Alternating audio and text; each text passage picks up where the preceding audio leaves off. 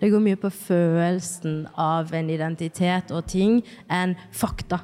Sånt harde fakta, harde fotografiske fakta. Liksom går litt mer på den ja, indre følelsen av verden her ute, da. Da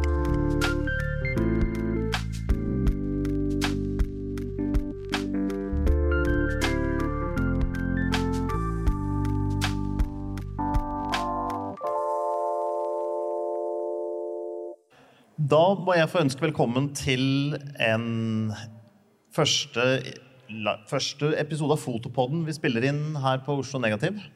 Det er den første episoden vi spiller inn med publikum i salen. Så velkommen til dere hundrevis som har møtt opp og står og presser på bakfra. Pass på at ingen detter ned trappa bak der pga. presset.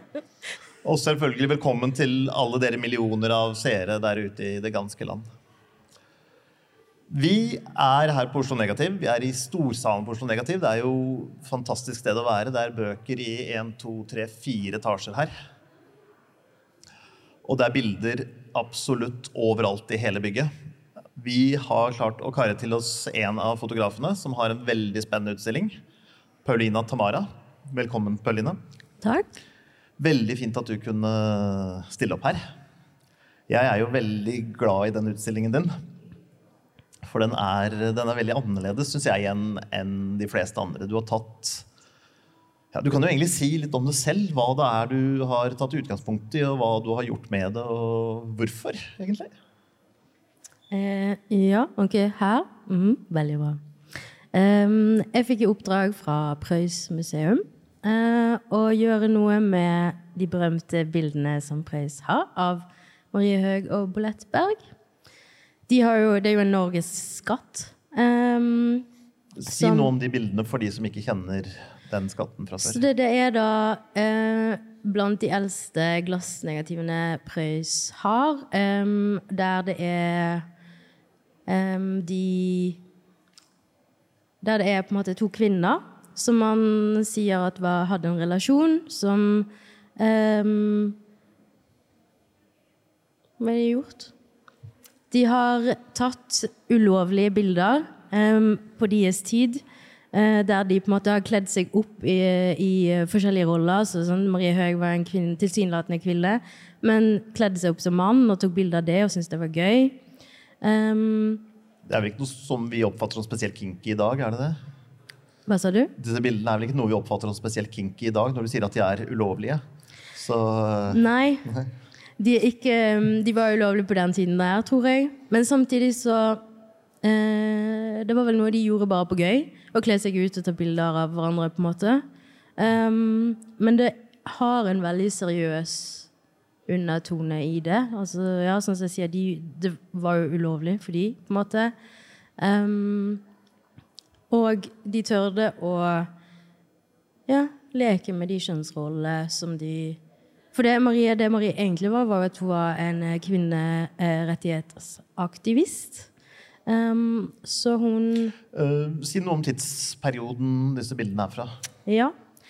Uh, vi snakker i perioden altså, sant? Marie ble født i 1866, og Bolett er født i 1872. Uh, og når de, det som var at de Mest sannsynlig så traff de hverandre når de var på skole i Finland. Eh, og fra Finland så dro de liksom over til Russland og var litt i Russland, og sånn, og så kom de tilbake igjen til Horten. Og i Horten så starta de et fotostudio sammen, som da er Berg og Høg. Og det var i 1895 Ja. cirka? Ja. Ja, jeg tror det var noe sånt. Jeg tror jeg har noe tall her også. Ja. ja rundt 1890 har jeg skrevet. Jeg. ja. Um, og da Det som skjedde da, er jo da at de um, tilsynelatende forelsket seg i hverandre. Altså, det, vært, det som har vært tingen hele veien, har vært et spørsmål om de var sammen eller ikke. Uh, og først når jeg kom til Prøys og fikk snakke med f.eks. Hanne Holm Johnsen, som er på en måte ekspertkuratoren på Marie Robolett Bolett, eh, og hun eh, kunne bekrefte det at de hadde vært sammen. Og de, var, altså, de bodde sammen i sånn 50 år. Um, og det som er veldig spennende, at alle disse bildene som jeg har fått i oppgave å gjøre noe med, de lå i en eske som var merka privat.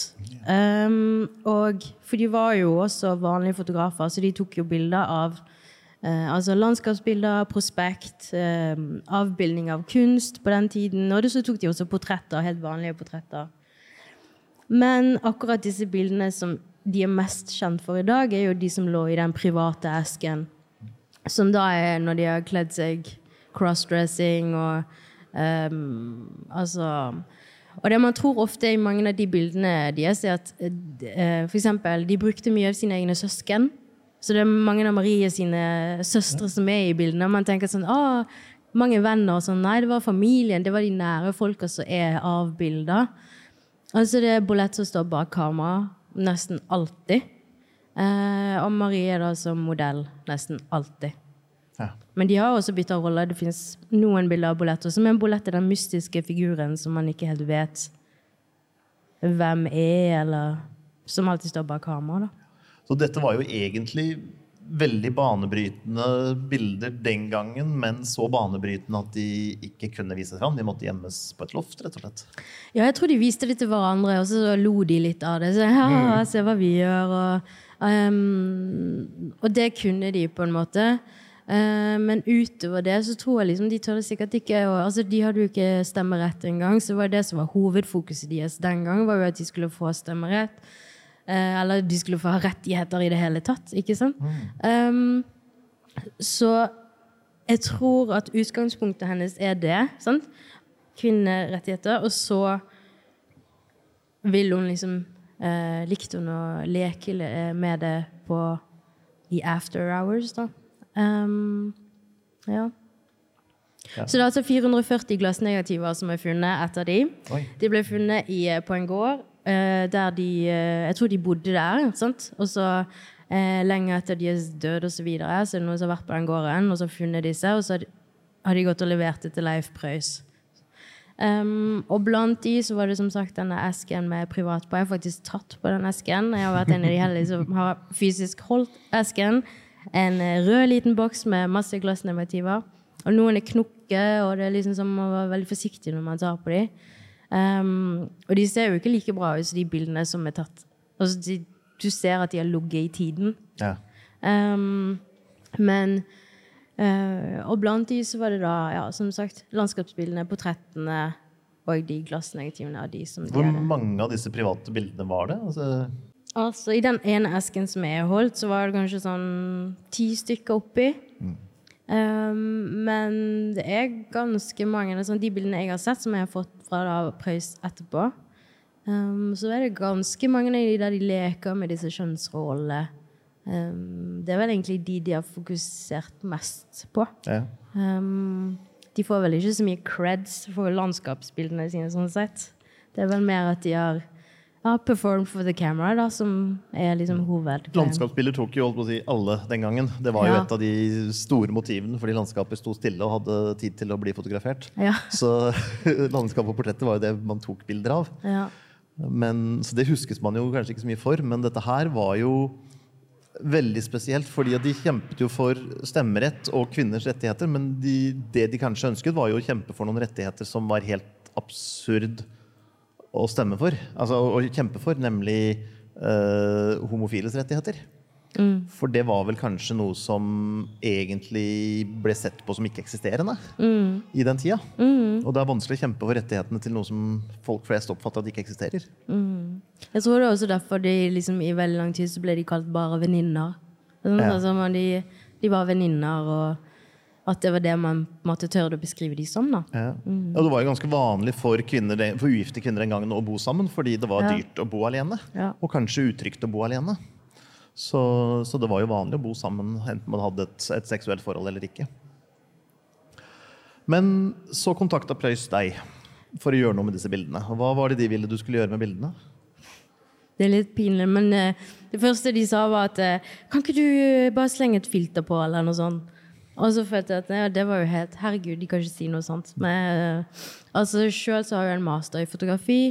Um, jeg studerte i England, som jeg Jeg tenker at uh, et filter er jo liksom ja, litt respektløs, ja. kanskje, men uh, ja. Men for meg, altså, jeg eh, jeg har også vokst opp med disse bildene. Sant? Altså på skolen og alle disse tingene. Man har kanskje ikke hatt liksom mange skeive fotografer å ha noen referanse til, men disse var noen man sa å, de ser litt sånn skeive ut. Kanskje det, ja. Så jeg har sett på deres bilder mens på en måte jeg har altså, vokst opp, jeg å si, men i min fotokarriere, da. Um, og da um, Nå glemte jeg hva du sa.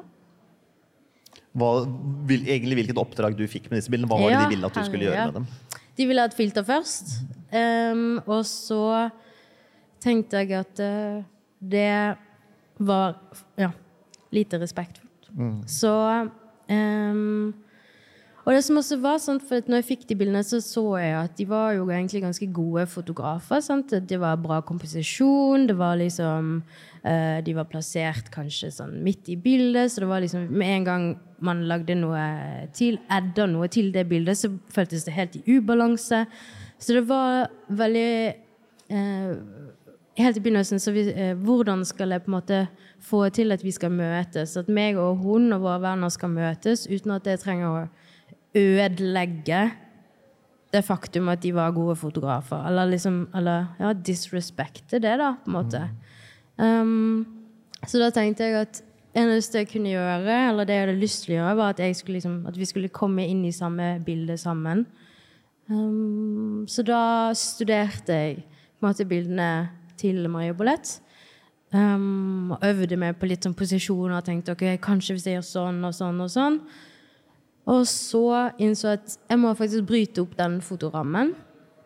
For den fotorammen var liksom Den er jo Vi har, hørt, eh, vi har vokst opp med fotografi at de har masse lover og regler. Sant? Det er kjempestrengt. Uh, med en gang det er litt sånn skeiv horisont, så bare å gud, skeiv horisont. Sant? Så det, må, det er kjempemye strengt i foto, så um, som ja, jeg kanskje ikke alltid er enig i, da. Um, så da var det første for å bare bryte sant? Bryte den rammen, begynne å dra det fra hverandre og eh, se hva som kommer ut av det. Og så når jeg begynte å bryte opp deres ramme, så var det plutselig plass til meg i deres verden også. Um, og da var det liksom ja, lettere å se meg i de, da. Eller i deres bilder, på en måte. Mm. Og så er det sånn performing for the camera. Sant? Jeg har prøvd å holde det litt sånn Holde den uh, litt mer videre, sånn som de holdt på, da, og leke, og den seriøse leken, ikke sant. Um, og tenker sånn Og Preus sa veldig mye at uh, de ville skulle bruke det moralske kompasset. Sant? De snakker om det moralske kompasset, og jeg var sånn Men i forhold til hvem da, liksom? Ja, for det moralske kompasset, det er jo ja, ikke sant? Hva er et moralsk kompass, og hvems moralske kompass? Og hva har du rett til å gjøre med andres bilder som ikke er her og kan gi tillatelse ja. lenger? Og hva er innafor, og hva er utafor? Og det er jo vanskelige spørsmål, for du har jo dine referanser og dine rammer. Jeg har mm. kanskje helt andre referanser og rammer. Mm. Um, og, og, hvor går disse grensene? Og det er, jo, det er, jo, et veldig interessant spørsmål når du skal endre på andres bilder. Og hva Kan du si, si litt om, om den tankeprosessen du gikk gjennom da, for å finne enten ditt moralske kompass eller hva som var innafor og hva som var utafor, om du satte noen grenser der? Jeg tror til helt i begynnelsen så tenkte jeg at, um, at uh, Prøys var mitt moralske kompass i begynnelsen. Fordi at det kom fra de, de var, Jeg tenkte at å, de er snille og gir meg en oppgave. eller sånn. Og så var jeg veldig takknemlig for det. Uh, så i, til å begynne med så var det Prøys. Og når jeg fikk disse bildene, så følte jeg at jeg fikk en helt egen relasjon mellom meg og de. Så da sluttet det å være Preus, og så var det Marie og Bolett. Sånn, ville de likt det her, ville de likt det her, ville de likt det her. Og jeg tror at de ville på en måte likt eh, den leken og det spillet som på en måte jeg har klart å skape sammen med dem. da. Um, så det ble liksom det moralske kompasset i dag er Marie og Bolett, og ville de ha likt det. Um, men det som også er veldig interessant, er at de bildene har jo falt i det fri. Det er jo såpass lenge siden de døde.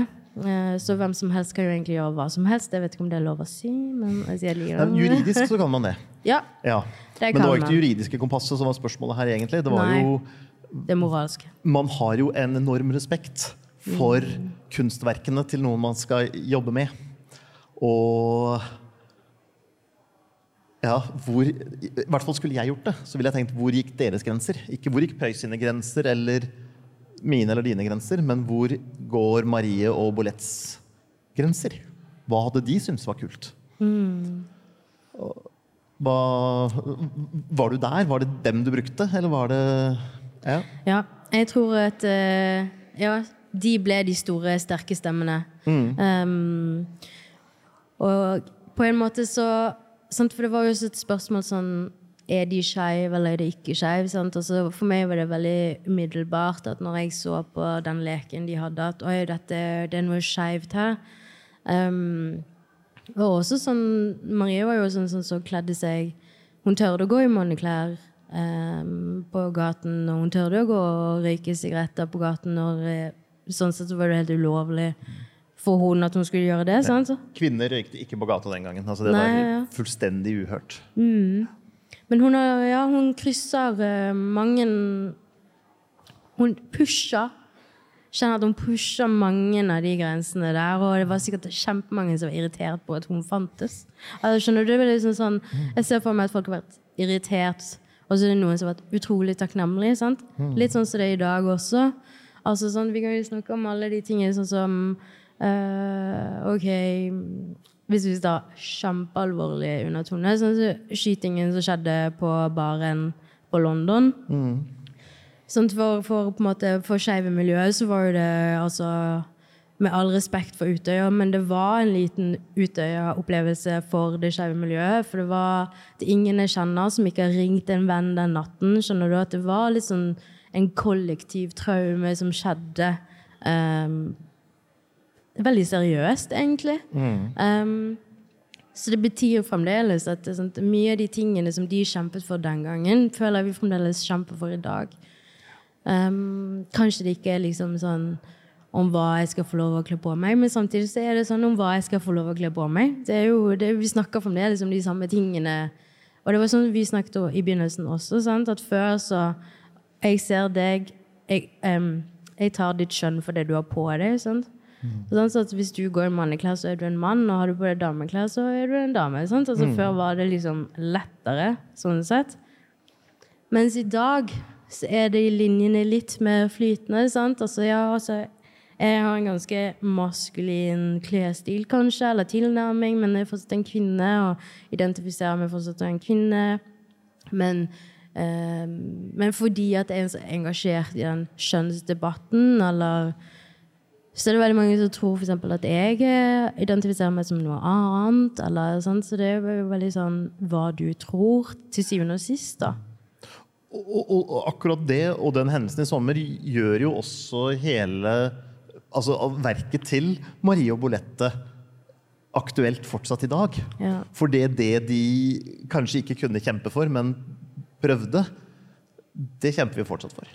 Vi har ennå ikke kommet i mål. altså Det er gått 120-30 år.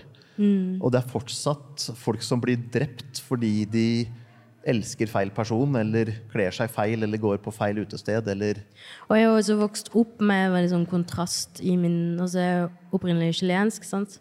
så jeg har veldig hard latinsk bakgrunn, eh, sånn sett. Og så har jeg vokst opp i et superfritt land.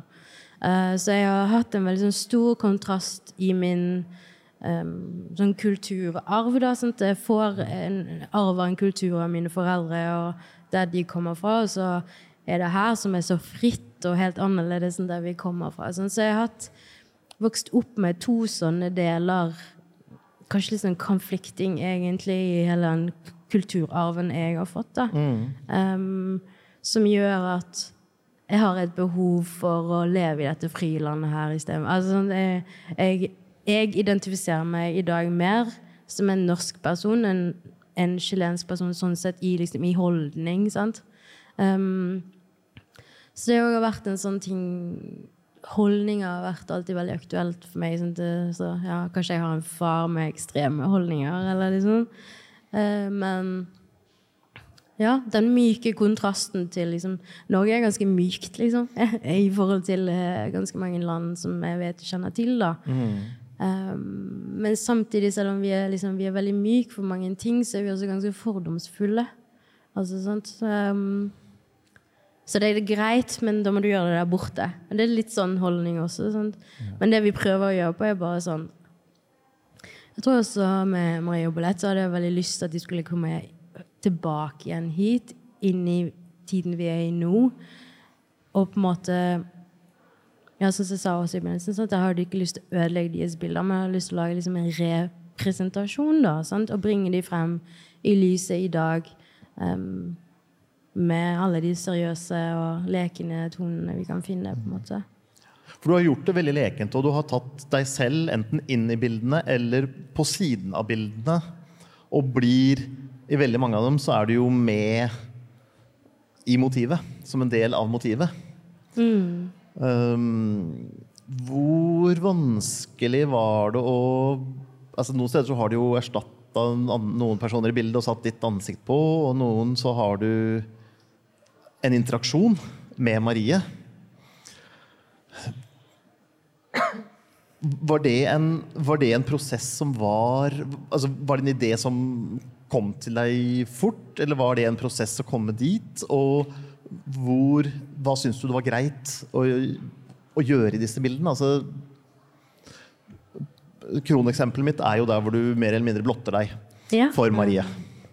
For dere som ikke har sett utstillingen, utstillingen henger i rom 16. Da går dere bort her, ned trappa, til høyre, inn en gang, opp en trapp, gjennom en korridor. eh, og så opp inn i et magasin, og gjennom det magasinet og inn i et nytt rom, og så til høyre. Og da er du ganske nær. Rom 16. Eh, Eller spør en venn. eller spør en venn. Spør en med sånn T-skjorte. Spør meg. Men eh, det er jo ganske drøyt, og det bildet vil jo være ganske provoserende for noen. Hvor du står med ryggen til og frakken åpen foran Marie er det Nei, det er ikke det bildet der. Det er det hun smiler så godt. Ja, hun har veldig lurt smil. Ja, hun har veldig ja. smil. Og jeg syns det er et fantastisk bilde, men jeg ser at det kan jo være veldig provoserende for mange. Og noen vil jo kanskje anse det som respektløst overfor uh, det originale verket. Si litt om det. Ja. Altså, rett uh, før uh, jeg, hadde, jeg lagde en fotoserie før jeg fikk oppdraget for Paus. Um, og da inviterte jeg jeg tror det var sånn 13 kvinner til slutt, som kom til eh, studioet mitt. eh, og der de skulle på en måte se på at jeg kledde av meg. Um, så da fikk de komme inn i studio. De sitter på en stol. Jeg står foran de med ryggen til kamera. De får sitte med en fjernkontroll. Og så eh, velger de når de skal til bildene, og så kler jeg på en måte bare av meg. Um, og så handler det på en måte litt sånn, Det er liksom et studie i hvordan kvinner ser på kvinner, da, eller hvordan kvinner ser på en skeiv kvinne. Eh, jeg har masse tatoveringer, jeg har kort hår. Altså, sant? Det er liksom mange sånne ting som ah, er skeivt, I guess. Um, men ja, jeg inviterte damer til å se at jeg kledde av meg, også for at de skulle ta bilde av deres reaksjon. Da. Det er også en referanse til Jemima eh, Staley gjorde en eh, britisk fotokunstner. Gjorde samme opplegg, bare at hun inviterte inn eh, mannlige um, kuratorer. Um, og så får man se liksom, at hun har jo også en sånn superkropp. Hun har sånn timeglasskropp, du vet, og høye hæler. Hun er superbabe. Og de, de mennene sitter jo der og er helt sånn wow. Sånn, du ser at de er helt sånn over, ja, De vet ikke hvor de skal gjøre av seg. sånn. Så jeg tenkte litt sånn OK, men hvordan Jeg ville undersøke hvordan det var. Eh, hvordan kvinner ser på andre kvinner. Og det var en kjempesuksess. Det var det em, Fikk masse oppmerksomhet. Eh, og så tenkte jeg bare videreføre det. Og da ble det liksom Hva kan jeg gjøre? Hvordan kan jeg ha det med meg videre? Og da var det sånn jeg kan gjøre undressing for Marie. Um, så da gjorde jeg det, og det ser ut som hun har det skikkelig gøy. Ja, jeg tror hun har det skikkelig gøy. Ja. Ja. Har du fått noen negative reaksjoner på dette her? Er det folk som har blitt provosert, eller som syns det her er et overgrep? Ja, Um, første dagen eh, når vi var på Preus, faktisk, og skulle vise det, så uh, var det um, En av damene Det var spesielt en dame som jeg husker veldig godt. Fordi hun var helt sånn Hun sa til meg at når hun hadde kommet inn der og sett på bildene på veien, så hadde hun vært sånn Hva faen? Og så hadde det blitt sånn Å, hjelp! Å nei, herregud, nå skjer, hva skjer nå? Sånn. Men nei, herregud, eh, jeg syntes det var dis disrespectful, da, altså respektløst. Og så gikk det litt tid, og så hørte hun meg snakke, og så var hun sånn wow. Så det gikk fra at hun rett og slett bare Uff, hva er dette? Og jeg syns at kanskje Prøys hadde vært litt for modig og sluppet litt for løs, du vet, for det er liksom Bildene til Maria Bollett er litt sånn Virgin Mary pictures. Sånt. De er hellige. De har liksom Ja. Mm. Men uh, så Ja, etter at jeg forklarte litt sånn også sånn som deg når, når sånn, Jeg hadde et prosjekt for før av der jeg kledde av meg for damer og tenkte jeg kunne videreføre det. Sant? Og uten den forklaringen så kan jeg forstå at det er litt sånn Hva faen? Mm. um, men uh, ja, hun var også helt Hun syntes at Prøys hadde vært litt for modig. Um, men så hørte hun det hadde jeg si, og så syntes det var fantastisk. Så jeg klarte å turne henne around, da, iallfall. Mm. Men det er sånn sett så er jo det Hun har jo vært den jeg har hørt eh, Som jeg hører i hodet mitt. liksom sånn, bare, OK, forbered deg nå. Kan være at noen ikke liker det. OK, husk på hun her. Du klarte å sånn, Så hun har jeg med meg hele tiden, sånn ubevisst i, eh, ja, i bakhodet. At det kan finnes det også, og at jeg kan klare å ta liksom, den kampen. Um, og jeg syns egentlig det er veldig interessant hvis du ikke som sagt, vi om før, hvis du ikke liker det, så fortell meg gjerne hvorfor.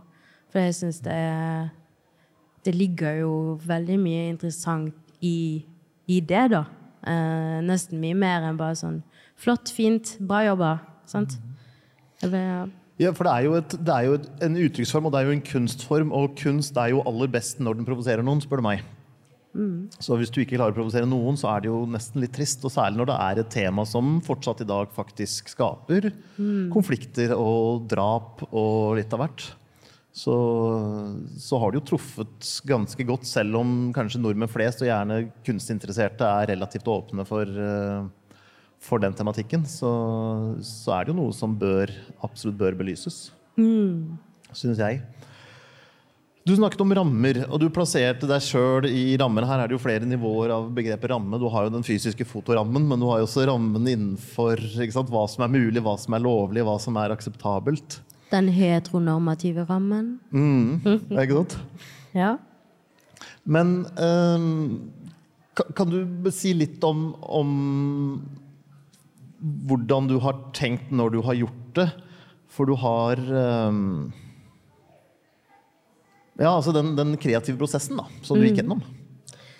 Den kreative prosessen um, Helt, helt, helt i begynnelsen så var jeg selvfølgelig litt sånn Hva skal jeg gjøre? Og tilfeldigvis så er jeg hjemme hos Sara Teigen, som er en veldig fin eh, collage-mester, eh, vil jeg si. Uh, og fikk eh, på en måte Hun var litt sånn min sparringspartner i begynnelsen. Og jeg var litt sånn wow! Hun var litt sånn ja!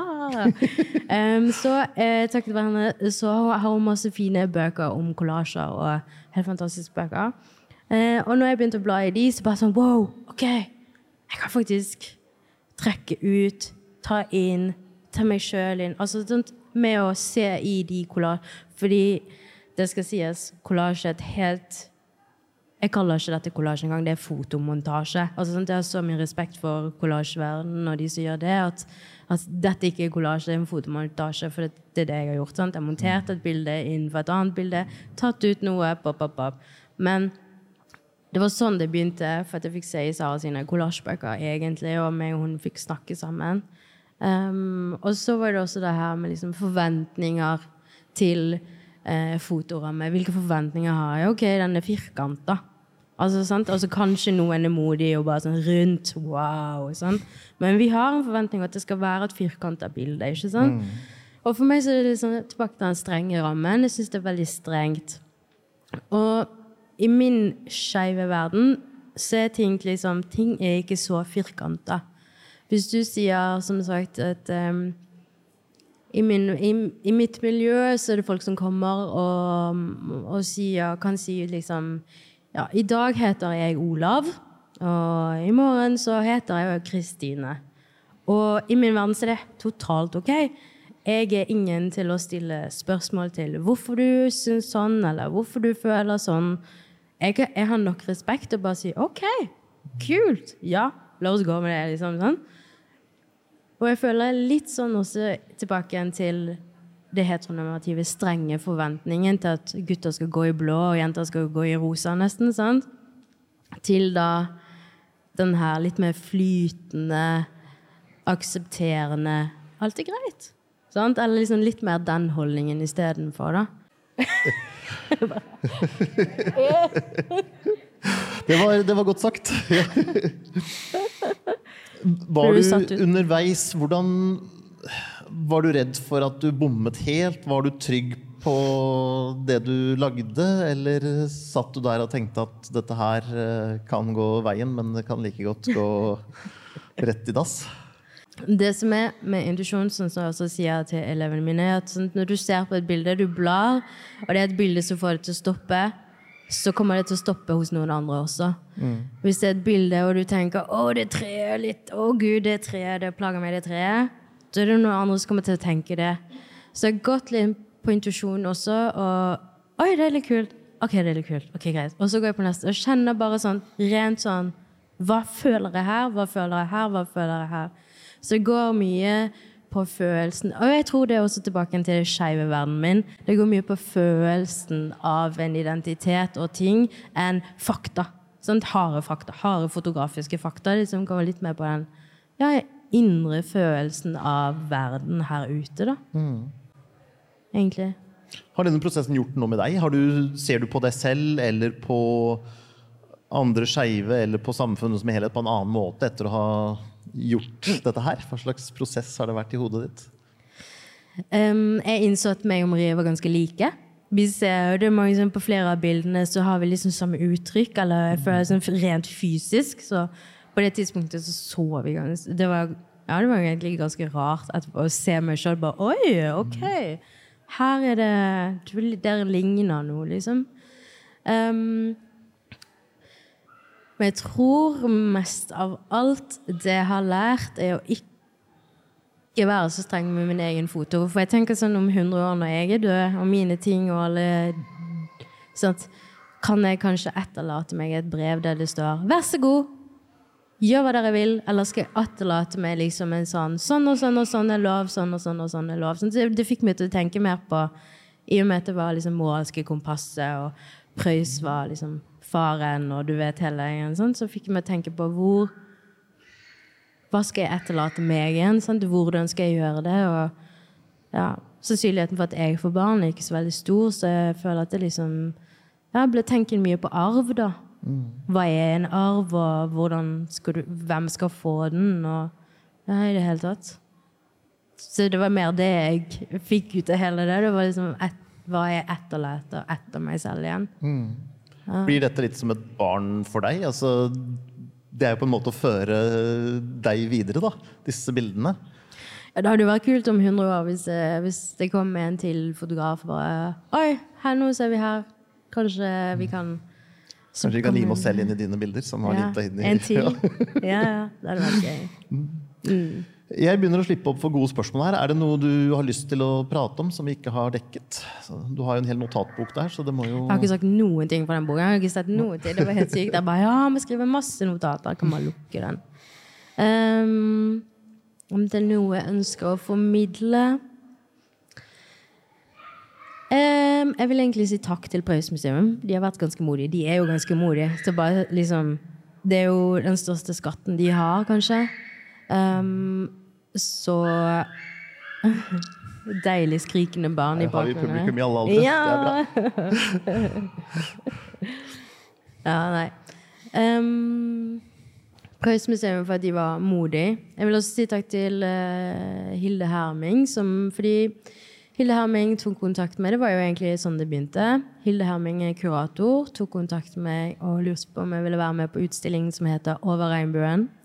Um, der de kjøpte opp noen av bildene mine. Jeg har en annen serie som heter De andre, som handler om det å identifisere seg som en av de andre. Uh, liksom mer oss de andre, ikke du en av de andre, sant? men det her med oss. Um, som de kjøpte opp. Og så eh, fikk hun da Ga hun meg det oppdraget eh, å gjøre det her, da. Så hun har også vært en veldig viktig støttespiller sånn sett, i hele prosessen. Um, Og i tillegg til disse bildene her, så kjøpte jo ja, Preus som sagt de, de andre bildene mine som henger inne i Over regnbuen-utstillingen inne. Disse henger utenfor på veggen på Preus. Når man går inn til Preus museum, så henger de hele den passasjen utenfor. Ja, for Preus måtte ikke stenge likevel, som det var snakk om. Så ja. der er det fortsatt åpent. Det var jo, gikk ut en pressemelding for et par uker siden om at de måtte stenge for publikum. Ja. Men de fant en løsning, så de har fortsatt åpent. Ja. Og utstillingen henger der også. Ja. Ellers så henger den jo her Eller denne helgen vi spiller inn, og så henger den neste helg, altså det blir 7. til 9. oktober, og 14. til 16. oktober, og det er siste helgen. Ja. Jeg henger her på Oslo Negativ. Da tror jeg vi sier tusen takk, Paulina, for at du kom og tok deg tid.